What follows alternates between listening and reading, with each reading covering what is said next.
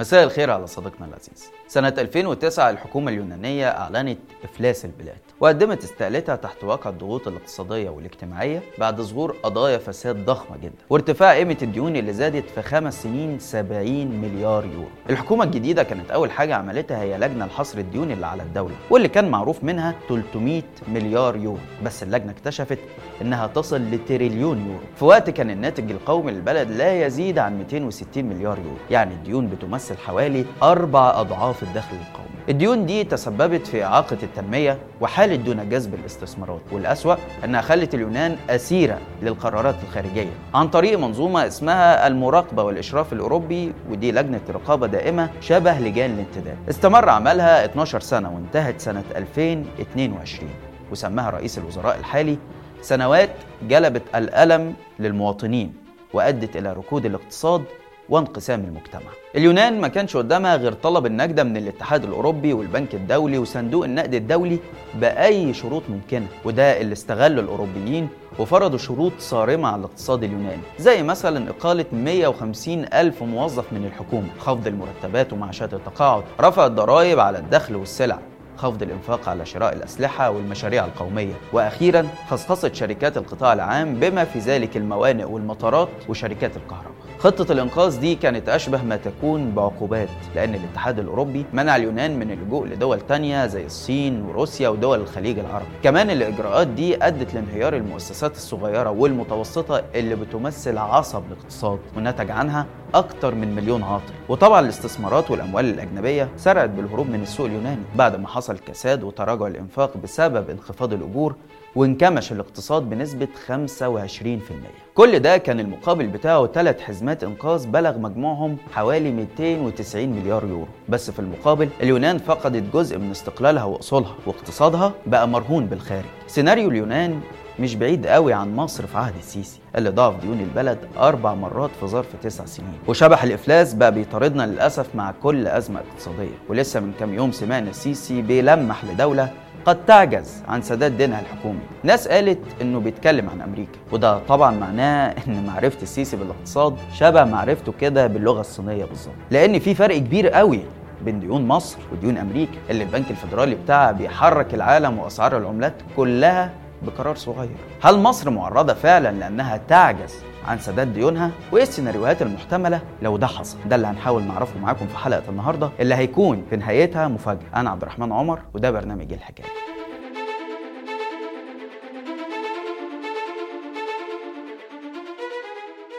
وأنا مش هذكر أسماء دول مش هذكر أسماء دول. هقول لكم حاجة واحدة. مش في دولة كبيرة بيقولوا عليها من أكبر الاقتصادات. معرضة إن هي ما تدفعش دين الحكومي بتاعها. مش بتسمعوا ده؟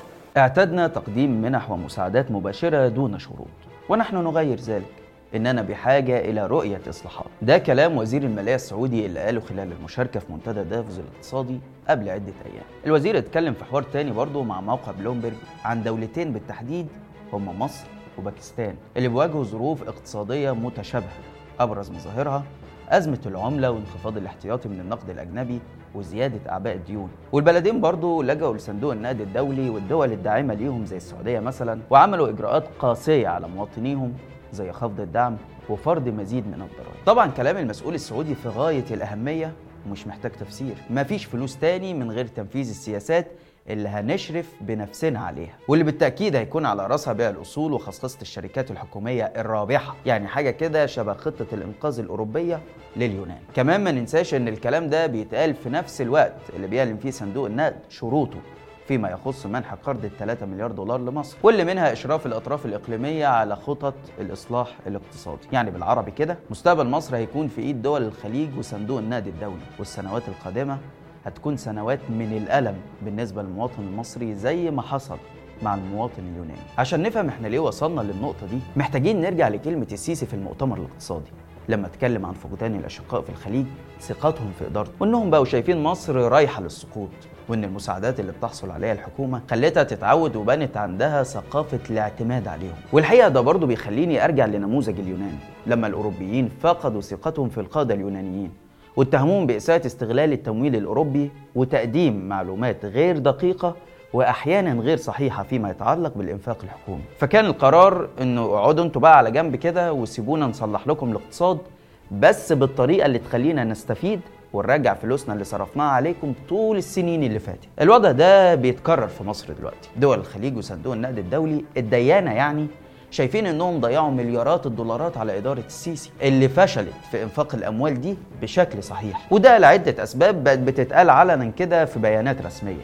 أهم الأسباب دي هي المشاريع القومية اللي السيسي مصمم لحد النهارده إنه يدافع عنها وبيعتبرها انجازه الأهم. في الوقت اللي كل الخبراء ورجال الاقتصاد أجمعوا إنها تمت بشكل خاطئ ومتسرع ببساطة لأنها أفلست خزينة مصر. في وقت كانت محتاجة لتطوير قطاعات منتجة زي الصناعة والزراعة والتجارة فضلا طبعا عن التعليم والصحة. وكمان بسبب اقتصاد الجيش اللي اتكلمنا عنه بالتفصيل في الحلقة اللي فاتت واللي سيسي وإعلامه ما بيجيبوش سيرته لما يجوا يتكلموا عن الأزمة الحالية اللي سماها في خطابه الأخير الأزمة العالمية لغلاء المعيشة. بعد ما عاتب اعلامه على تناول شكاوى المواطنين بسبب غلاء الأسعار. رغم انه اعترف بإن الشكاوى دي حقيقية وده سببه إن نظرة السيسي للإعلام أو الفن يعني هي إنها أدوات دعاية زي ما كان بيقول يا بخت عبد الناصر باعلامه وبمناسبة الكلام عن شكاوى الناس فلك أن تتخيل إن أكتر من 80 مواطن اتقبض عليهم بسبب فيديوهات نشروها على تيك توك. التطبيق اللي البرلمان بيناقش غلقه في مصر مش عشان التحديات الخطيرة اللي الأطفال بيشاركوا فيها لا ولا عشان فيديوهات الرقص الخليع والتعري مثلا. ولكن لأنه بقى متنفس للمواطنين الغلابة بيعبروا فيه عن معاناتهم من الظروف الاقتصادية في البلد.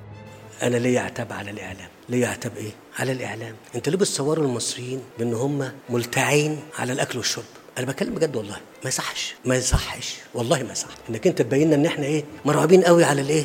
لا لا لا ما يصحش كده. وكأن الدنيا آخر الدنيا يقول لك مش عارف آه، الحاجة زادت وكلامنا أنا ما بقولش إن ده كلام مش صحيح. وبينما الناس مش لاقي حد يعبر عن رأيها. فالسيسي مش عاجبه الإعلام اللي هو أصلا متأمم من الأجهزة السيادية ومسيطر عليه بالكامل ومصدعنا بمشاكل المواطنين الإنجليز اللي مش لاقيين بيض وأزمة السكن في النمسا وغلاء الأسعار في اليابان. في تماهي مع فكرة السيسي اللي مفادها إن دي أزمة عالمية وإحنا زي الفل. والمشاريع القومية دي كانت مهمة جدا. قناة السويس الجديدة مثلا اللي كان بيقول إنه عملها عشان رفع الروح المعنوية للمصريين بقت هي سبب زيادة الإيرادات من غير بقى ما يحط في الاعتبار رفع الأسعار وإن القناة حتى بعد سبع سنين لسه ما وصلتش للرقم المستهدف. ويقول لك من غير الطرق والكباري اللي عملناها مش عارف المصريين كانوا هيمشوا إزاي. وما يتكلمش برضه عن السبوبة اللي بتطلع بيها الهيئة الهندسية وشركات المقاولات اللي شغالة من الباطن مع الجيش والحاج سعيد بتاع 9 مليار جنيه. وبعدين يفتخر بمشاريع الكهرباء اللي عملت فائض إنتاج من غير برضه ما يرد على كلام المتخصصين اللي بيقولوا إننا فشلنا. في تصدير الفائض ده أو الاستفادة منه. وإن جزء كبير من شبكة الكهرباء اللي عملتها شركة سيمنز الألمانية كان الهدف منها سياسي. بعد ما عملنا صفقات يشوبها الفساد مع الشركة دي تحديدا بمليارات الدولارات. ده كله غير موجة قطع الكهرباء عن محافظات مصر ضمن خطة سرية بحسب ما نشرته صحيفة الشروق عشان نصدر الغاز لأوروبا. أما بقى الديون فتلاقيه يقول لك ما في بلد كبيرة بيقولوا إنها مش هتعرف تسدد ديونها. من غير ما يقول لنا إيه هي البلد دي وأوضاعها السياسية والاقتصادية عاملة إزاي وصرفت فلوس القروض دي على إيه. لأنه لو يقصد أمريكا فإحنا ما نعرفش مثلا إنهم بنوا قصور رئاسية ولا اشتروا طيارات جديدة ولا بنوا أكبر جامع وأطول برج أيقوني. وغيره بقى من المشاريع اللي الاقتصاديين وصفوها بالفاخرة وإن الهدف منها هو استعراض العظمة. في بلد تلت سكانه على الأقل وفقا للبيانات الرسمية عايشين تحت خط الفقر. كمان عايز أعلق على كلام السيسي فيما يخص الإرهاب واللي كان فيه جملة غريبة جدا عدت على ناس كتير. لما قال هنعمل احتفال بانتصارنا على الإرهاب مش هنعمله هنا في مصر هنعمله في رفح والعريش والشيخ زويد. وكأن دول مش في مصر يعني. موضوع الإرهاب الحمد لله إحنا نجحنا بنسبة كبيرة جدا إن إحنا نخلصه. وفي احتفالية إحنا هنعملها مش هنا في مصر هنعملها في العريش ورفح والشيخ زويد. آه. آه أنا أكيد عارف إن ناس كتير بتقول على القاهرة مصر بس إن رئيس الجمهورية نفسه يقول ده مع الوضع في الاعتبار إحساس أهل سينا بالتمييز وعدم المساواة. فده أكيد تصرف غير مسؤول ونتيجته مش كويسة. الغريب كمان إن السيسي قال محدش يقدر ياخد أرض فيك يا مصر واتكلم عن الثمن الكبير اللي اتدفع عشان نرجع أرضنا. في إشارة لدماء الشهداء وتضحيات المصابين اللي اعتبرها أغلى من الفلوس في كلام مناقض تماما لموقفه من بيع تيران وصنافير للسعودية مقابل الفلوس. رغم إنهم هم كمان شهدوا بطولات وتضحيات مصرية لا تقل عن اللي حصل في سينا. مفيش أرض فيك يا مصر حد يقدر ابدا بفضل الله سبحانه وتعالى ياخدها مننا أو يسيطر عليها. محدش يقدر. وبعدين بقى موضوع الإرهاب ده نفسه محير جدا بصراحة. يعني في الأول مع وصول السيسي للسلطة كان إرهاب محتمل. بعدين بقى واقع في سينا اللي اتفرض عليها تعتيم إعلامي وصحفي غير مسبوق. وراح ضحية ده صحفيين شطار جدا. زي مثلا إسماعيل اسكندراني اللي اتسجن سبع سنين بسبب أبحاثه ودراساته عن سينا اللي لو كان في أي بلد تانية كانت الدولة مولت دراساته دي عشان تستفيد منها في مواجهة الأفكار المتطرفة أو التهديدات الأمنية اللي بتواجهها بدل ما تحاكمه عسكري وتسجنه. قبل ما ترجع بعد سبع سنين ضمن موجة العفو الرئاسي تخفف الحكم عنه اللي كان عشر سنين وتخرجه في قرار سياسي بحت ملوش أي علاقة بقواعد العدالة اللي العالم المتحضر يعرفها. وشفنا برضو الأسبوع ده الإفراج عن رجل الأعمال صفوان ثابت وابنه سيف. بعد سنتين من سجنهم بتهم خطيرة جدا زي تمويل الإرهاب. بس كلنا عارفين إن الحقيقة هي إن الجيش كان طمعان يشاركهم في شقة عمرهم.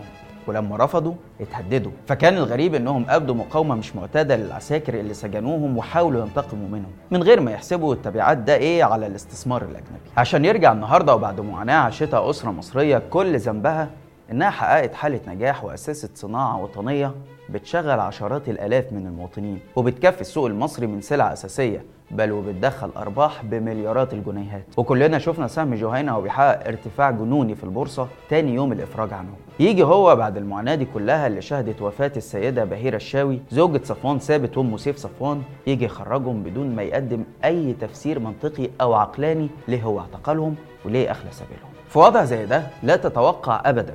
إنه أحوال الاقتصاد تتحسن. وعشان نجاوب في النهاية على سؤال حلقتنا اللي هو السيناريوهات المتوقعة في حالة عدم قدرة مصر على سداد ديونها فالسيناريو الأرجح هيكون نموذج اليونان. خصخصة وبيع أصول البلد بالرخيص لأشقائنا الخلايجة ومعاناة وألم وتدهور معيشي للمواطن المصري. مفيش أي سيناريو تاني ممكن نتخيله غير بقى منحة إلهية أو ظرف استثنائي مثلا زي حرب الكويت. لما مصر شاركت فيها وكانت النتيجة إن دول الخليج أسقطت الديون عننا. وطبعا ده غير متوقع مع المعطيات الحالية ويستحيل حد يبني خططه على أساسه. دلوقتي وصلنا لنهاية الحلقة والمفاجأة اللي وعدتكم بيها واللي كتير من حضراتكم طلبها على مدار الشهور اللي فاتت وهي إننا نعمل أكتر من حلقة في الأسبوع. إن شاء الله بداية من الأسبوع اللي جاي هنكون مع بعض مرتين اتنين. كل يوم اثنين وجمعة الساعة 8 بتوقيت القاهرة. أتمنى التجربة الجديدة دي تكون كويسة ومرضية ونكون دايما عند حسن ظنكم. بس كده. لحد هنا وحلقتنا خلصت. لو الحلقة عجبتك اعمل like و share واشترك في القناة عشان يوصلك كل جديد. وما تنساش انك تقدر تسمع البرنامج بتاعنا بودكاست من الروابط اللي هتلاقيها في التعليقات. وتابعنا على حساباتنا الجديدة في الانستجرام والتيك توك. واستنانا يوم الاثنين اللي جاي الساعة 8 بالليل بتوقيت القاهرة في حلقة جديدة من برنامج إيه الحكاية؟ سلام.